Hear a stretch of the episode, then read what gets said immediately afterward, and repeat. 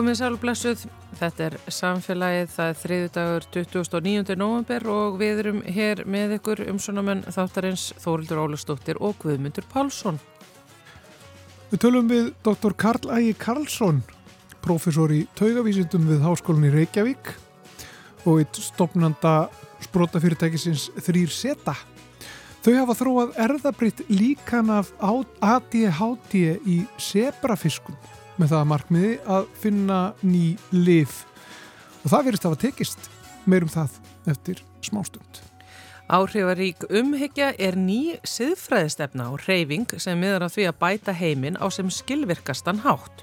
Áhrifarík umhyggja hvetur til eh, góðgerastarðsemi sem skilar mælanlegum árangri og meðal þeirra sem aðhella stefnuna er margt ríkasta fólk heims, til að mynda Elon Musk, En það er ekki bara milljaramæðringar sem geta lagt sitt af mörgum. Hér á Íslandi hafa einnig verið stofnuð samtök og rætt verður við Elías Bjart Einarsson meðlem í samtökum um áhrifaríkja umhyggju á Íslandi í þættinum í dag.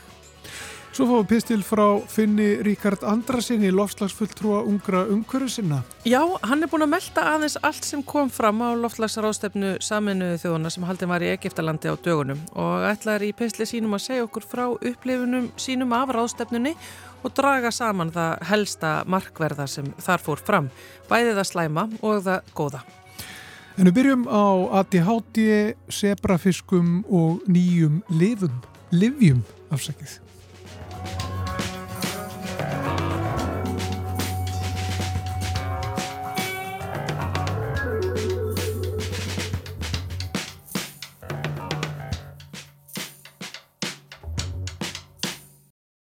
Þá eru sestur hjá okkur Dr. Karl Ægir Karlsson sem er profesor í taugavísindum við Háskólinni Reykjavík og eitt stopnenda þrýr seta um, sem er eða að segja sprótafyrirtæki sem að sér hafi sig í uh, uppgötunum á nýjum livjum og uh, notar til þess sebrafiska uh, mjög áhugavert starf sem er hunnið þar verður velkomin til okkar Takk að kærlega fyrir. Þið voru núna nýlega að, að byrta grein þar sem er fjallað um uh, rannsóknir á uh, ADHD og livjum sem að geta haft áhrif á uh, ADHD og þið notið til þess sebrafiska sem er ykkar, já, sér grein, getur við segjað það? Já, það er svona okkar alltæki, við segja. Já, í, í þessari grein sem er, sem er frekar frekar stór og tók svolítið langa tíma þá raunverulega byrjum við því að lýsa e, í fyrsta skipti erðabreittu erðabreittu sé bara fisk sem að hefur enginni aðti háti það er að segja við byrjum að því að að, að taka gen sem að við vitum að uh, uh, eru þekktar held ég við 20 stökkbætingar í svo gen í mönnum. Og þessar stökkbreytingar í mönnum í þessu ákveðna geni það er tengjast ADHD í mönnum. Og uh, fyrsta skrifið er að skoða hvort að fiskurinn sé með sama gen. Í þessu tilfelli er það svo. Og þá reyndu við að, að líki eftir þessum stökkbreytingum í fiskinum, að fiskinum er erðabreitt og uh, það tókst sem er nú ekki alltaf og næsta skrifið þá að skoða hvort að atferðli þessa erðabrætta fisk sé mikilum hætti svipir ykkur hætti til að ég háti í mönnum. Og þetta er oft mjög flókið að reyna að ímynda sér hvernig fiskur hegða sér með ákveðna stökkbreytingu en í þessu tilfelli þá bara vonuðum við til að sjá ofvirkan fisk, það er mjög auðvelt að mæla það. Og það var nákvæmlega það sem gerist fiskurinn er mjög ofvirkur. það reyfi sér miklu hraðan hinn í fiskarnir. Ef þú ert að bera þetta saman við hliðstætt verkefni ef við myndum okkur verum að skoða gen við sem að tengist tunglindi eða, eða geðklofa eitthvað svo leiðis þá er miklu erfiðar að ímynda sér hvernig fiskurinn yrði frábriðin ef hann yrði frábriðin yfir leitt. En allavega þarna gekk það mjög vel. Það er mjög auðvilt að flokka í sundur þarna þessu erðabrættu fiska og, og óstökkbreytt eða hilbrið villigerðina uh, til samanbyrðar það er mjög mikill munur þann og þá var hægt að byrja að skoða sem var næsta skrefi í þessari grein hvernig svarar þessi uh, ofvirki fiskur þekktum ADHD lífum sem notuður í dag? Og við gáttum sérst þarna uh, meðhandlað þar að segja eða eitt þessum óverkningsengjum í fiskinum með hefðbundu livjum það er að segja að, og það þýðir það að ef að við, ef við myndum ímynda okkur það að veri ekki til neitt liv við ADHD og við myndum prófa þessi liv sem er á markað í dag höfum við alltaf fundið Já. Já, þannig sem, sem að veitir manni, þú veist, svona vona að þú getur nota þennan ákvæmna fyrst til að finna nýtt liv og það er semst þriðja skrefið í, í þessari rannsókna að við byrjum að því að, að, að gera það sem er mjög algengt í dag að reyna að finna nýja virkni fyrir liv sem þegar er á markaði. Þannig að við vorum með, byrjuðum að prófa um 1600 þekkt miðtöðakerfislif þreymur skömmtum á, á stórum hópum fiska, þetta er næstu í 100.000 fiskar sem eru meldir í svona tilraun. Og uh, af þessum uh, 1600 lifum finn, uh, finnum við fjögur lif sem að hafa tilætlan á okkur að segja minga óverknina til jafs við það sem að tekt lif gera. En að auki þá skoðum við líka ymsar aukaverkanir eins og, eins og hversu uh, vel fiskurinn svafi nóttina og, og fleira. Og leituðum að lifjum sem að hafðu sérst minguð óverknina en hefðu þessi minnstar aðrar aukaverkanir. Og fundum þannig að fjögur lif uh, og þessu til viðbútar þá var eitt lifið þessum fjórum sem að virkaði á móttaka kerfi í heilanum sem ekki hefur verið tengt við ADHD áður og við semst fórum og skoðum nýtt lif sem að virkar yngung og það móttaka kerfi og fengum líka þau tilætluð árangur að minga áverknina. Þannig að við enduðum með fjögur lif sem áður hafa markað við öðrum sjúkdómum sem eiga séns sem ADHD lif og eitt nýtt lif sem hefur aldrei verið notað áður. Og þannig að við í einni grein þá lýsum við semst þá nýju líkanni, dýra líkanni af ADHD sem hægt er að nota þá bæði til þess að finna nýlip og líka til þess að skilja þennan þess að röskun betur eða með eitthvað grundallar spurningar um heilan. Við lýsum því hvernig að þess, þetta líkan bregst við þekktum lifjum við finnum nýlif og lýsum einu nýju móttakakerfi. Og þess vegna var þetta svona, tók þetta frekar langan tíma að setja þetta allt saman á mikið þólir með þess vinna að setja þetta allt í eina grein það hefði auðvelt að skipta þessu upp í þrjár, fjórar greinar og byrta þetta þannig á styrtir á nokkur yfir ykkur tímabil sko.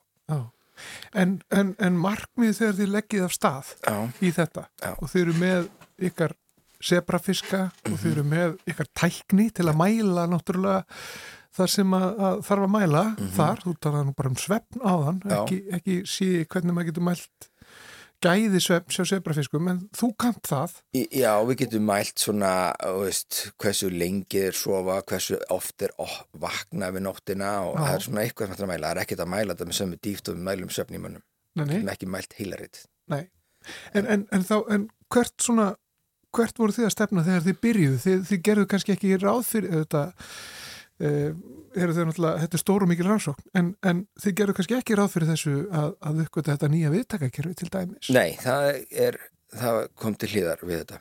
En já, stefnan var þarna að, að, að gera nákvæmlega þetta. Að búa til líkan að þessari röskun að sí, sína fram á að við getum þarna, fundið þekklif með þessari líkani og nota það til að finna nýlif já. það var bara algjörlega stefnan. Og, og við raunverulega erum að vinna með fleiri raskanir og sjúkdóma, allt tengt miðt á kerfinu og þetta er raunverulega fyrsta sem virkaði og raunverulega bara af, af teknilegum ástæðum vegna þess að, að það er, eru uh, nokkri þáttir þættir sem þarf að ganga upp sko, svo hægt sé að keira svona verkefni. Og í fyrsta lagi þá þarf genið sem við byrjum að vinna með stökkbreytingin sem við byrjum að vinna út frá í manninum genið þarf að vera til staðar í fiskinum og vera nógu líkt að hægt sé að byrja. Og í öðru lagi, þá, ef það er text þá, þarf, þá þurfum við að geta hermt eftir stökkbreytingunni og fiskurinn lifa það af og verið heilbreyðar öðru leiti þetta er ekkert sjálfsagt. Og í þriðja lagi þá þarf að vera eitthvað atverðliti stað til þess að mæla. -hmm. okkar tækni útheimtir það, ég verða að hafa eitthvað aðtrillið til að mæla. Ef, að- ef að genetíkin tekst fullkomlega og ef það er engin munur atvilslega á þessum tveimur hópum villigerð og stökkbreytti fisknum, þá er ég stopp. Og við veitum til dæmis mjög löngum tíma í MND sjúkdómin og þá var það raunverulega erðafræðin sem var flókin. Og það er ekki ekki útilokað en það var að teknilegum ástæðum þá var það mjög erfitt að, að þannig eiga við það og höfum um, glýmti fleiri e, svona miðtöðakerfi sjúkdóma það sem að erðafræðin tekst en atverðlis típan er ekki eins skýr. Og, en við erum að vinna á fleiri sviðum þarna og raunverulega kerfið okkar byggist upp á því að við getum nota mjög hliðstaða leið til þess að finna lífið öðrum uh, miðtöðakerfi sjúkdóma Eitt sem að þarf líka verið til staðar, það er vantarlega að það þarf fjármagn til að geta unni svona, Já. rannsóknir Já, já, og það þarf einhver að trúa verkefninu. Já, heldur betur. Það er náttúrulega rosalega stór hluti af þessu sko, svona verkefni eh, k- kannski væri hægt að gera það eh, auðvitað hægt að starta þessu bara út í bæ en til þess ertu að hafa rosalega mikið fjármagn og, og fá þá áhættu fjármagn mjög snemma og mjög hátt og það er að býða mjög lengi þannig að ég sé valla að svona verkefni spretti úr öðrum jarðvegi enn úr háskólanum. Það er allavega lang skilvirkasta leiðin til að gera svona. Og þetta verkefni raunverulega bara sprettur út úr háskólanum í Reykjavík og er raunverulega í skjóli hans fyrstu árin. Og svo koma til náttúrulega nýskuparsjóður aðtunlífsins koma snemma inn og styrkja verkefnið. Svo er það teknithrónarsjóður sem hefur veitt okkur nokkra styrki. Og svo er það ekki síðast en ekki síst uh, skattaendurgreysla á rannsóknar og þróunarkostnaði. Þetta eru þættir sem eru algjörlega líkilatir og svo bara á síðustu stigum kemur inn svo áhættu fjármagn. Og það er umverulega engin forsönd að fá það inn fyrir en búið er að vinna svo mikla grunnvinnu að, að þessi, þetta kerfi sem við höfum byggt upp á Íslandi er nöðsynlegt til þess að komast á annar stað sko og þess að ég hef ekki tölu á þeim nemyndum sem hafa komið að einstökum þáttum verkefnisins. Veist, við brjótu það niður í litla búta. Þannig að nemyndur á mjög stegum gera ákveðna hluta. Einn gerir eitthvað forrið og annar gerir livjapróf og þriðji gerir eh, eitthvað fysiskt tæki veist, og þá er það nemyndur úr, úr, úr sálfræði eh, úr læknisfræði að komið fram og svo en langflestir úr heilbriðsverkfræði í Háskólar Reykjavík. Já. En núna eh, hafið þið byrt þessa grein, þið hafið byrt þessa niðurstöður ykkar. Uh, hvað gerist svo? Uh, hvernig svona, eru það að sparka ykkur nýju í gang með því eða, eða eru þið núna bara að setja eitthvað svona ákveðin punkt við og, og, og, og svona farin að einbæta ykkur að næsta máli eða Já, næstu sko- grein sem það er að skrifa? Já, já, við erum að skrifa fleiri nú, við erum að bæði sko vísindalega þá erum við að lýsa þessu sjúkdóm og líka með ná, líkan í nákvæmar? Við erum að lýsa nákvæmar hvað og hvernig, hvernig lifin virka og hvað þau gera í heilanum. Veist, er, og við erum að prófa uh, að endurtaka tilraunar á spendinum eða róttum þar segja. Uh, í þessu tilfelli er það þarna frekar augljóst. Þá þarf að, sanna að þessi effekt sem finnum sé ekki bundin við fiska og um, en uh, uh, þau róttu líkun sem eru til af ADHD eru ekki nærði jafn góð og þetta fiskamódel af teknilegum ástæðum líka. En, uh, en það þarf svona að setja þessi gögn í sögulega sammyggja og haldið þeirra áfram. Þannig að við erum að gera það vísindalega sko. En uh, næst þessi fimm líf sem fjögur hafa verið að markaði áður og eitt nýtt og þau fara mjög ólíkan feril. Er þessi líf sem hafa verið að markaði áður þau er, um þau eru til svona öryggisgögn. Það er til er búið að sanna að þau þólast vel og þau eru ekki hættuleg og, og vitum skamta stærðir annað. Þannig að það er hægt að fara með þau beint í þess að kalla er fasi 2 þurfum ekki að gera fasa 1 sem er öryggisprófaninnar þannig að þau myndu fara beint í fasa 2 í mönnum ef eitthvað er að gera það en, en nýja lefið þarf að fara gegnum allan fyrirlin sem er miklu lengri og dýrari. Og, og, eh, og núna erum við bara síðust, síðustu tveimu mánuðum höfum við verið að, að hefja þennan þessar umræðir við og viðræðir við fyrirtæki sem eru hafa burði til þess að gera þetta. Að, að, að, að vinna með okkur í að halda áfram með þróunum sem livjum þetta er semst þarna eitt sérstaklega verkefni okkur að koma þessu livjum áfram í þróuna fyrir og á samaskapi snúum okkur núna að næstu skímin, að næsta sjúkdómi eða næstu röskun. Og við fylgjum þá nákvæmlega sömu forskrift. Það er búið til líkan af sjúkdóminum eða öskurinni pró sannað að hún svari þekktur í um eins og við leitum að nýjum.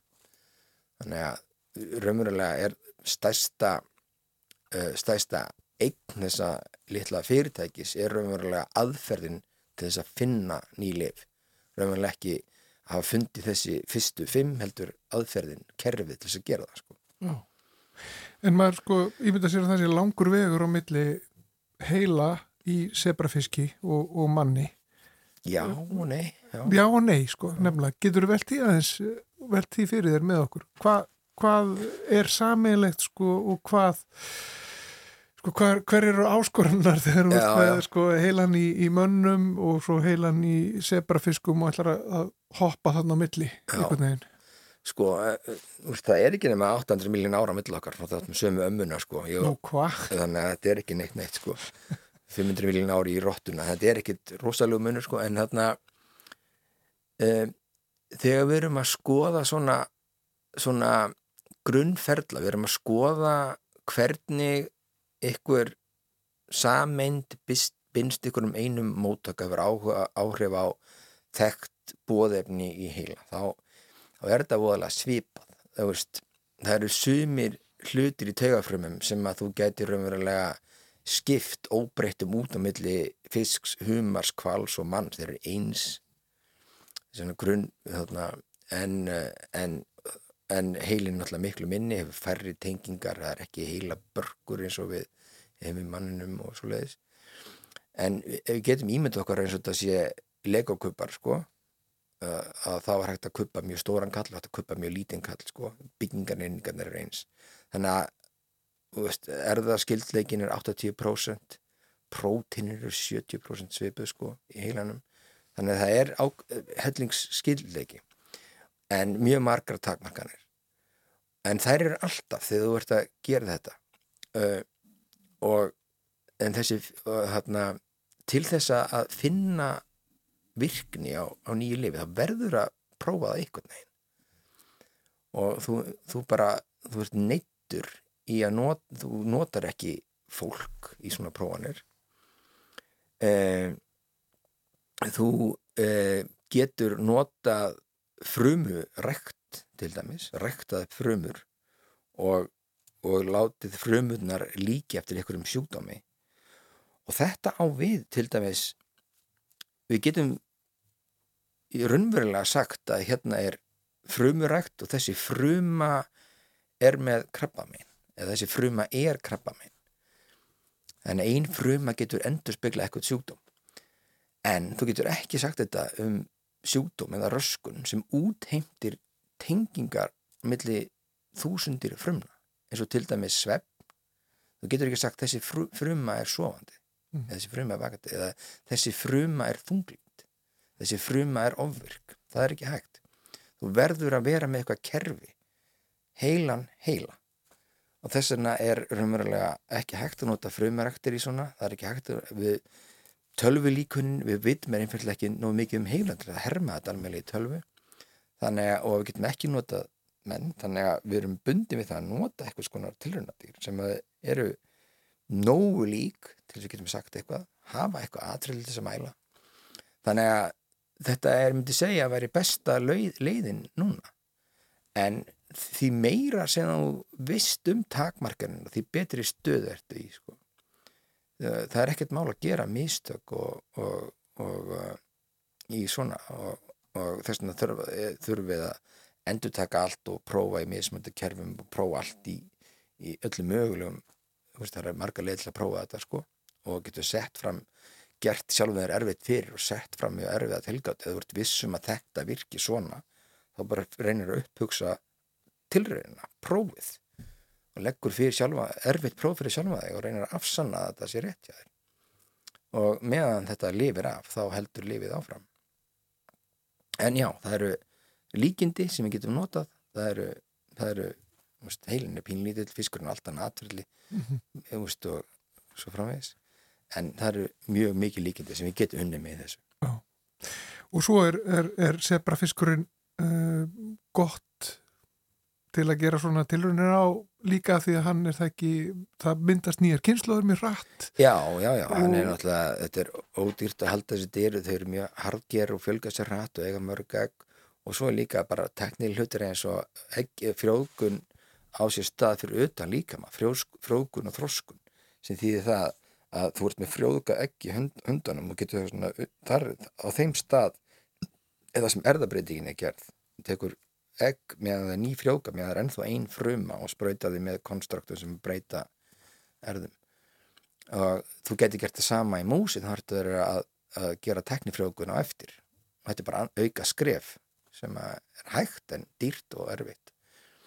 Og auk þess sem að, sem að, þarna, að það eru færri sem að myndi setja spurningar um dýravend við nótkunn þessara fiska. Og veist, ég, ég er alls ekki blindur af það sjálfur sko og til að við ættum að nota eins fátölunan dýr og við getum og valda eins litlum skada og mögulegt er sko. Meðan við teljum það verðmætt að gera svona tilunir þá teljum það þessi virði Þetta er allt mjög áhugavert. Karl Ægir Karlsson, það er hægt að lesa meira um þetta á vef uh, Háskóls Reykjavík, ru.is. Það er ja, umfjöldun um þetta og hægt að komast inn á þessa grein sem þið byrstuð Já, og lesa hana. En takk fyrir komuna og, og gangi ykkur vel. Takk að kella fyrir.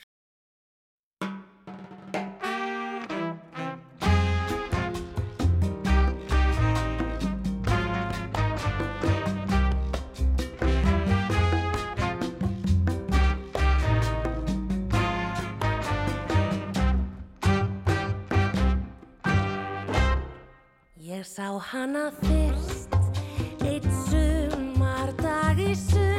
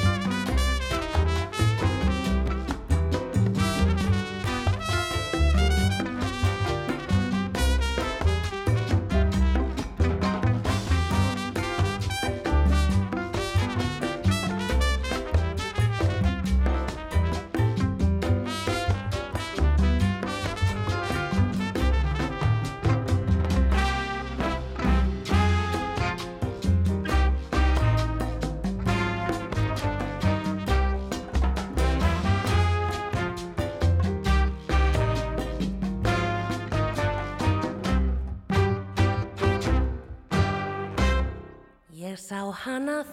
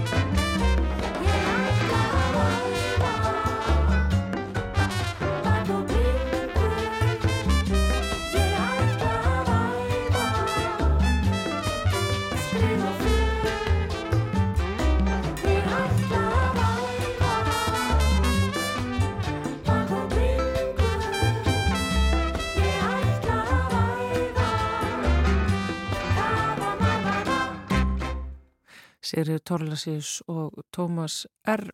með læð Sundhetjan. En uh, þá tekur Snorri Raffn Halsson við. Það er ekki á hverjum degi sem ný siðfræði stefna verður til en upp á siðkastið hefur effektiv altruism eða áhrifarík umhyggja sótt í sig veðrið á heimsvísu.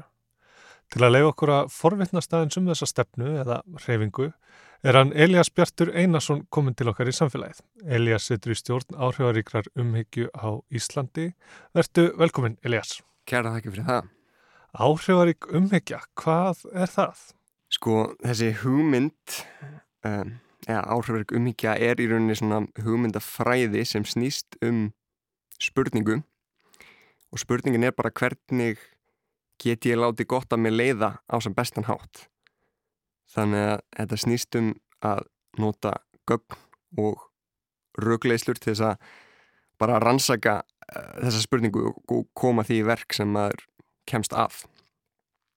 Uh, mér finnst svona tólið gott dæmi að að bera þetta saman við uh, þegar maður kaupir sér einhverja neysluvuru ef að þú ætlar að kaupa þér tölvu eða síma eða eitthvað þá er svona eitthvað ákvörnaferli sem fer á stað svona, sem er væntanlega daldi personumbundið en ég ímynda mér að, að hérna, þú set ekki að fara að kaupa þér allavega bara af handahófi eða bara þá tölvu sem er í uppáhaldslitniðinum þú ert að fara að rannsaka málið smá sko, spurja vini eða kíkja á netið uh, bara svona aðeins að sjá hvað þú færð fyrir peningin og þetta er í rauninni daldi svona sjálfsögð hugsun.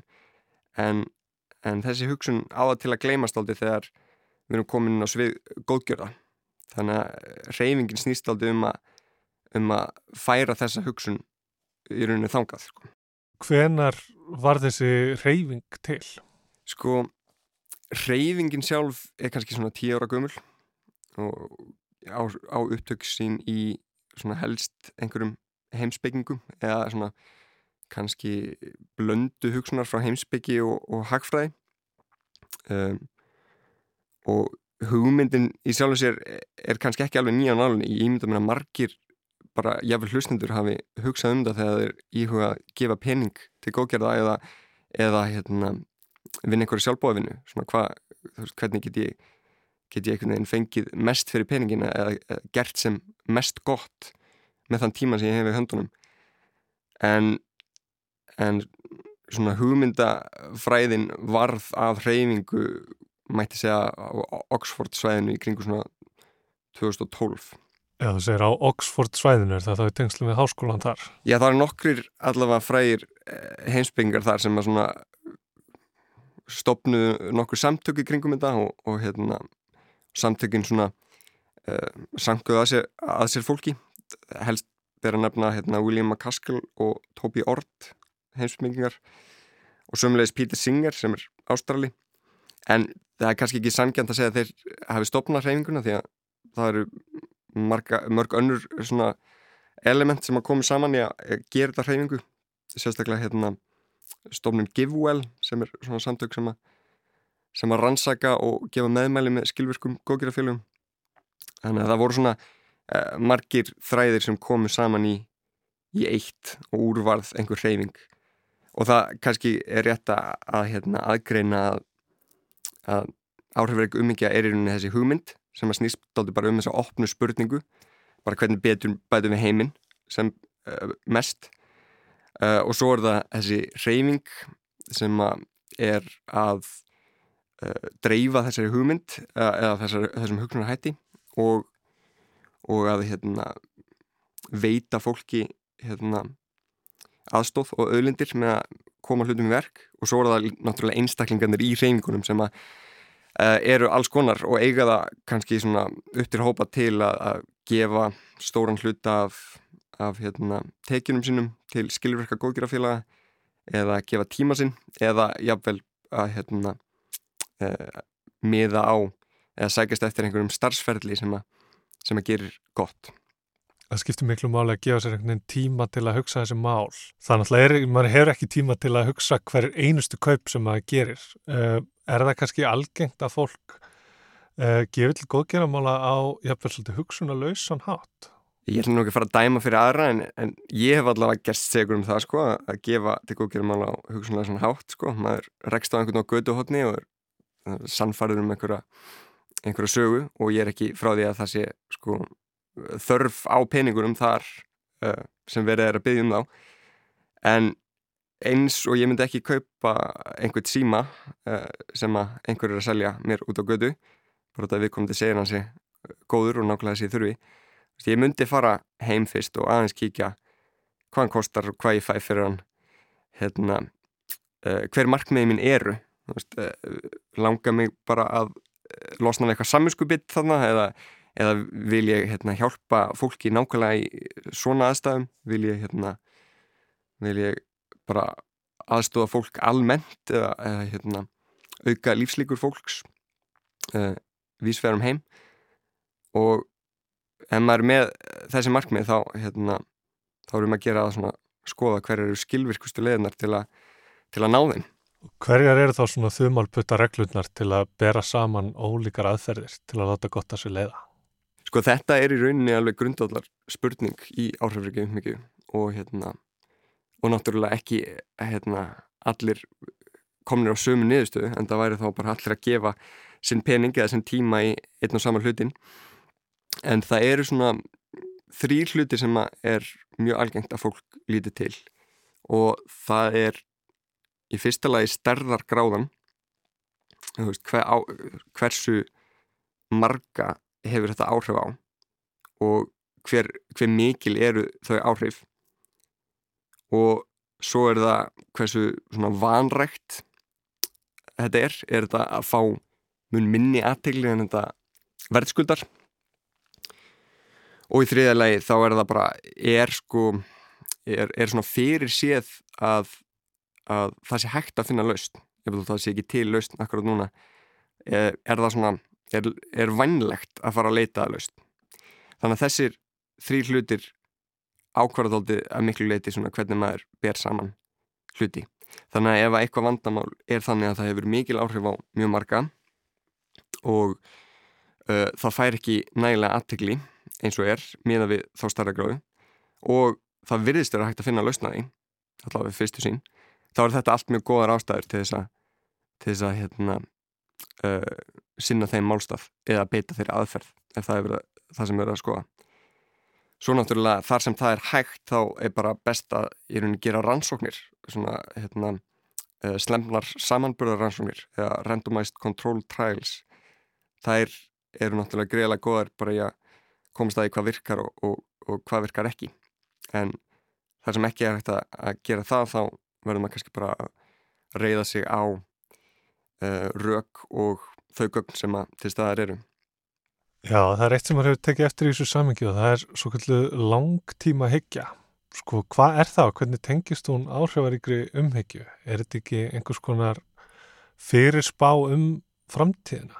Jú, sko langtíma hyggjan er hansi vinsæl innan áhrifur umhyggju en hún er í rauninni bara eitt svar við, við þessari spurningu hvernig betur bætu við heiminn sem mest og þegar maður er að spyrja þessari spurningu þá, hérna, spurningar þá, hérna þá leið, leiðir hún mann að vangaveltum um í rauninni fyrir hvern þessar beturbætur eru. Vil ég í rauninni beturbæta heiminn fyrir fólki í nágruninu mínu? Eða vil ég uh, hjálpa þeim sem búa í landinu mínu? Eða, eða, eða kannski bara mannkynnið bara hvar sem að það er niður komið uh, vil ég bara gagnast manneskum eða vil ég líka taka til þetta dýra?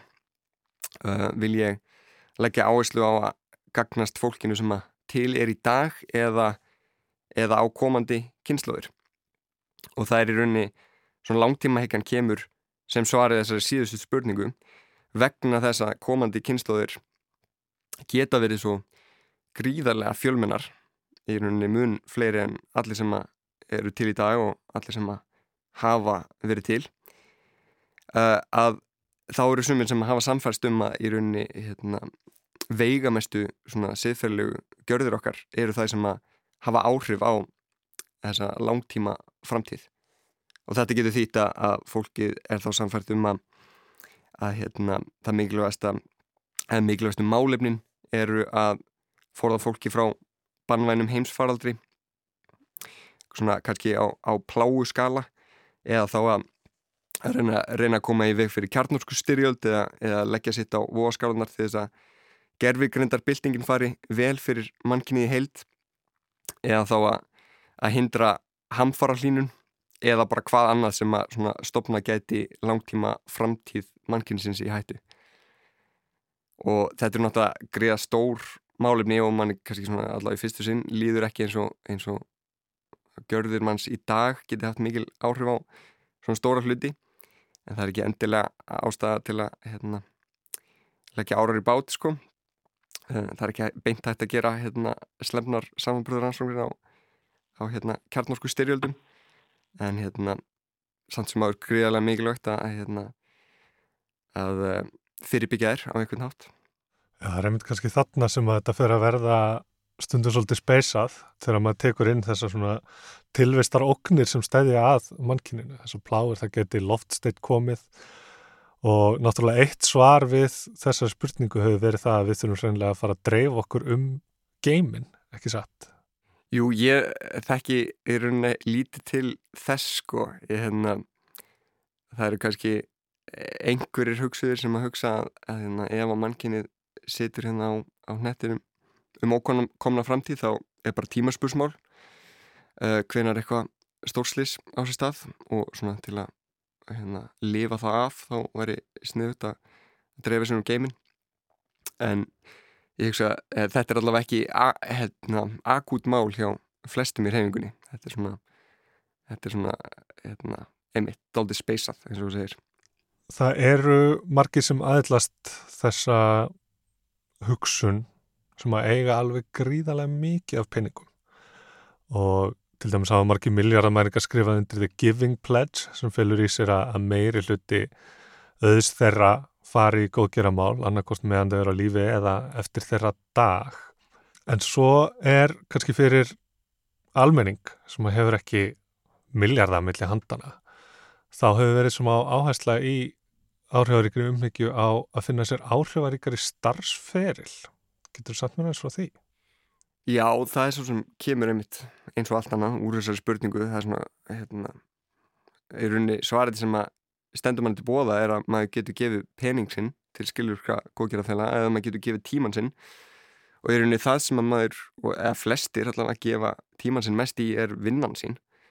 Ég, hérna, til, til að það séu um það byrja 80.000 klukktímar í vennilegum starfsferli og bara það að hérna, eða brotabróti af þeim 80.000 klukkutífum í að skoða svona hvað um, hver, hver besti starfsferlinu væri sem að, sem að myndi henda þér sem að myndi leggja mesta mörgum til þess að betur um bæta heiminn það getur verið alveg greiðlega áhrif mikið þannig að það er alveg stór hlut af heimingunni sem að snýst aldrei um þetta hvernig, hvernig finnum maður sér betri uh, starfsferl eða kemst inn í starfsfæli sem, sem að gerir gott. Og þetta er náttúrulega sérstaklega viðandi fyrir kannski nema eða, eða þá sem eru svona aðstíg út á vinnumarkaðin en ekki endilega, ég meina þetta gæti, gæti líka verið fyrir fólk sem að nú þegar er í, er í starfi kannski bara þetta nýka starfinu eitthvað til og, og, og, hérna, og þar með hafa meiri áhrif en alla Og eru það þá bara sömu þumalputtareglur sem að beitir uh, í því? Já, nema kannski hérna, til viðbótar er sko eh, starf bara svo persónulegur hlutur, það er svona veist, maður getur gefið peningi sinni í, hvaða góðgerðarfjölu sem er en, en maður getur ekkert eldur að synd hvaða starfi sem er. Þannig að hérna, það, kem, það vegur líka bara þungt hvort að hérna, starfið eigi vinnum mann og hvort maður geti einhvern veginn staðið sér vel í því sko. Það er svona í, í byrjun í árdagarreifingarinnar fekk uh, hérna hugmyndin um að, um að þjena til að gefa uh, mikinn hérna, mikla aðtegli en þá var það einmitt hugsað fyrir kannski fólk sem að sem að gæti ekki bara valið sér starfsferil það gæti kannski, kannski fengið launahækkun og, og, hérna, og nýtt þann pening til að gefa. Í staðin fyrir að uh, gefa tíma sinni eitthvað góðgerðarfélag þá var ég að þetta, ef við komum til þjena vel þá var ég kannski bara þetta ráða fólk til að hérna, sinna því starfi í góðgerðarfélaginu sem, sem væri þá fleira fólk og, og jáfnveil fólk sem er betra í því sem að uh, góðgerðarfélagið gerir. En bara svo ég tekið það fram og þá er þetta bara ein hugmynd um, um lausna á þessari, þessari spurningu sem áhrifverk um ekki er. Svona hvernig er uh, hver er besta leiðin til þess að hérna, betur um bæta heiminn? Já, þegar maður sér fyrir sér að þetta geti skapað undarlega kvata það sem maður fyrir að vinna við eitthvað sem borgar vel til að gefa meira af sér en, en þá getur komið upp svona reiknistæmi sko að ok, ég gerist bara hérna bókaldari hjá einhverju oljufyrirtæki sem er annars verið að skemma heiminn en svo nota ég peningana mína til að láta gott að með leiða uh, hvernig hefur þessu verið svarað? Já, ég, sjálfur er kannski ekki með gott svar við þessu ég, get alveg séð fyrir mér að hugsanlega kæmist fólki einhverja, einhverja hugsanlega klípu þannig en, en svona einn praxis þá held ég að svona almennt þá er fólki í reyfingunni ekkit mjög spennt fyrir að vinna störf sem eru um, að skada heiminn. Það er svona kannski fylgir fólkinu sem hefur áhuga á þessu. Þannig að uh, þetta er ekki þetta er ekki endilega eitthvað sem að sem að fólk sko er mikið að lenda í.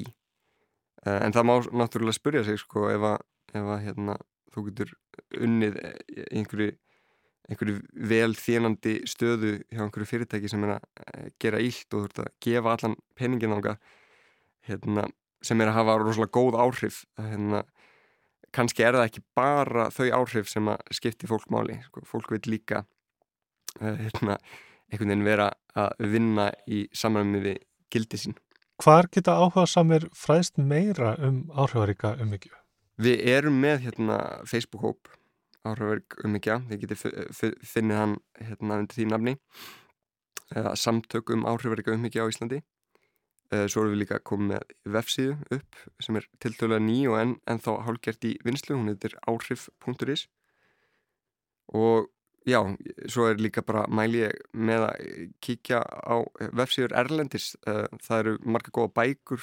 Doing Good Better er svona mjög góð ingangsbók og sumulegis hérna, podcast-serja sem eru bara tíu þættir sem heitir Effective Altruism and Introduction og er í rauninni samansapn af þáttum frá öðru podcasti sem heitir 80.000 Hours og fjallar um sagt, uh, góða starfsferla. En þar eru þau búin að plokka út svona nokkra þætti sem að gefa manni svona góða, góða grundvallar hugmyndum um hvað þetta snýst allt. Mitt áhuga samar geta tekkað á þessu. Kæra þakkir fyrir komuna Elias Bjartur. Takk svo með þess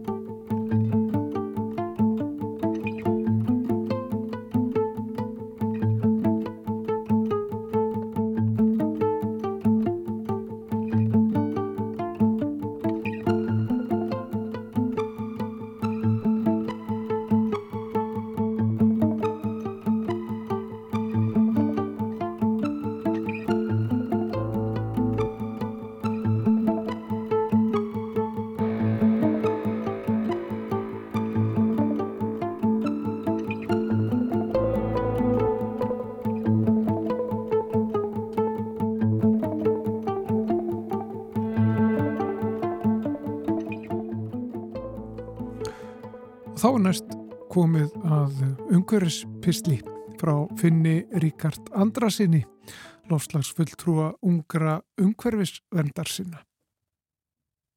Það fór líklega fram hjá fæstum að hinn árlega lofslagsraðstöfna saminuði þjóðana, COP27, var nýverið haldinn í Egiptalandi. Ráðstöfnan var haldinn á tímum stríðs í Evrópu, orkukreppu og fæðu óryggis á heimsvísu og setti það sitt mark á andrumslottið.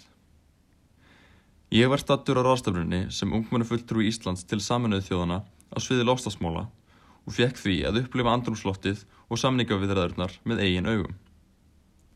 Sem ungmennu fulltrúi var ég hluti af íslensku sendinemdini og hafði það hlutverk að koma sjónur með um ungs fólks að í þessu mikilvæga ákvarðanatökuferli. Þáttaka ungs fólks á þessum vettfangi skiptir miklu máli því þær ákvarðanir sem veru teknar hafa bein áhrif á framtíð okkar unga fólksins. Lífsgæði okkar og framtíðarkynnslóða um ókomna tíð eru beinlinnis í húfi. Ég fylgdist með formlegu samningaviðræðunum, tók þátt í hliðarviðburðum og hitti annað ungt fólk allstaðar að úr heiminum.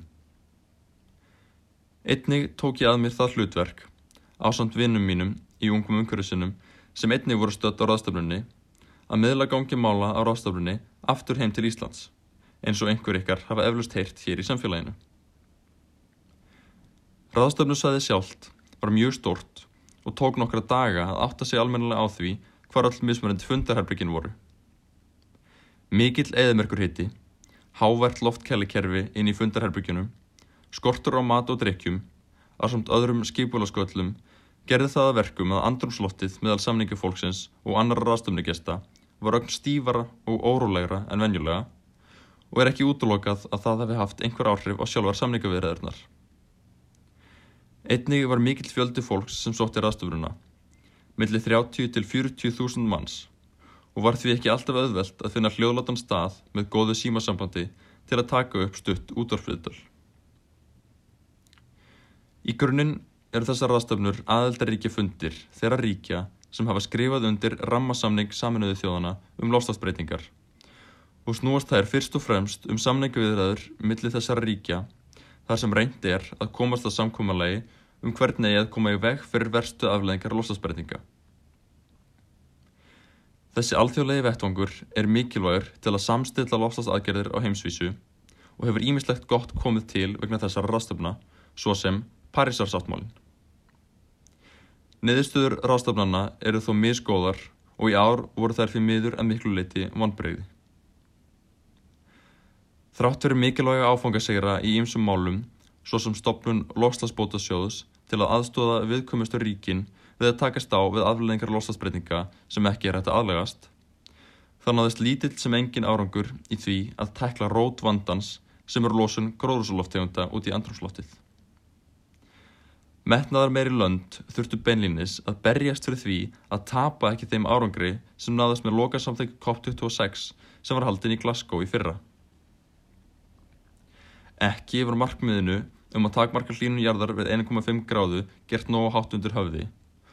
Orðalægið um að fasa út nótkunn jarðarnaeldsneitis var mjög útvatnað og óvíst hversu miklum árangri nýr samráðsvettvangur um mótvæðisaðgerðir með raunverulega skila. Vísindin eru skýr varandi mikilvægi þess að takmarka hlínun jarðar við eina og halva gráðu frá innbyltingu. Til að það sé mögulegt þarf losun gróðursaloftegunda á heimsvísu að ná hámarki árið 2025, helmingast fyrir árið 2030 með árið 2019 og svo þarf að nást eðlisfræðilegt kólumnishulllesi árið 2050.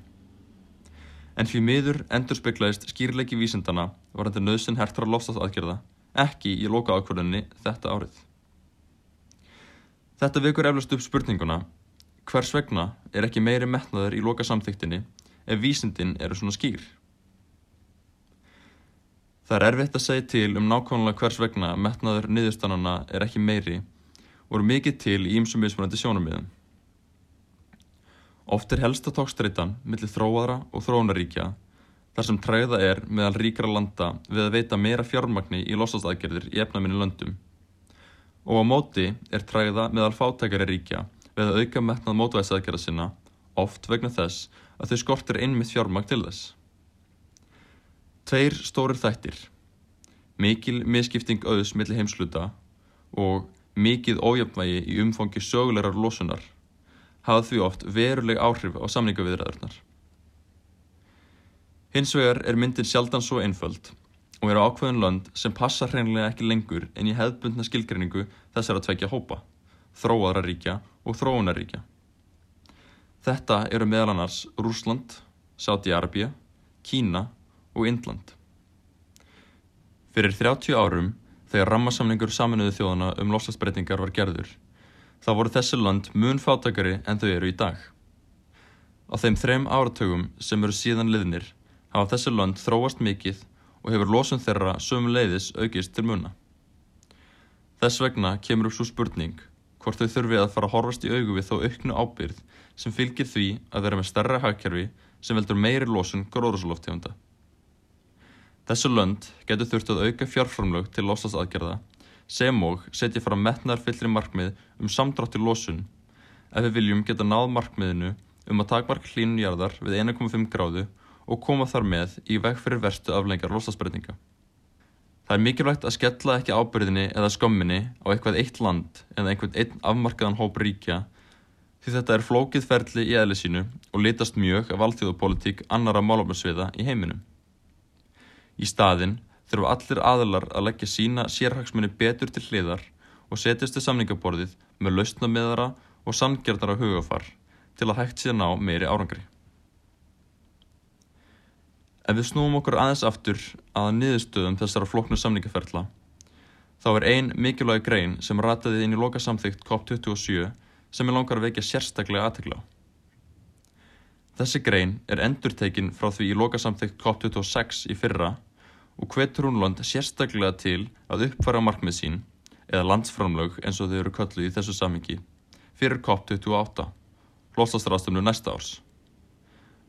Ástæða þess að greinin er endurtekin nær orðrétt frá því fyrra er vegna þess að einungis 25 af 195 landum tóku þessa kvartningu alvarlega og sendu inn uppfært markmið.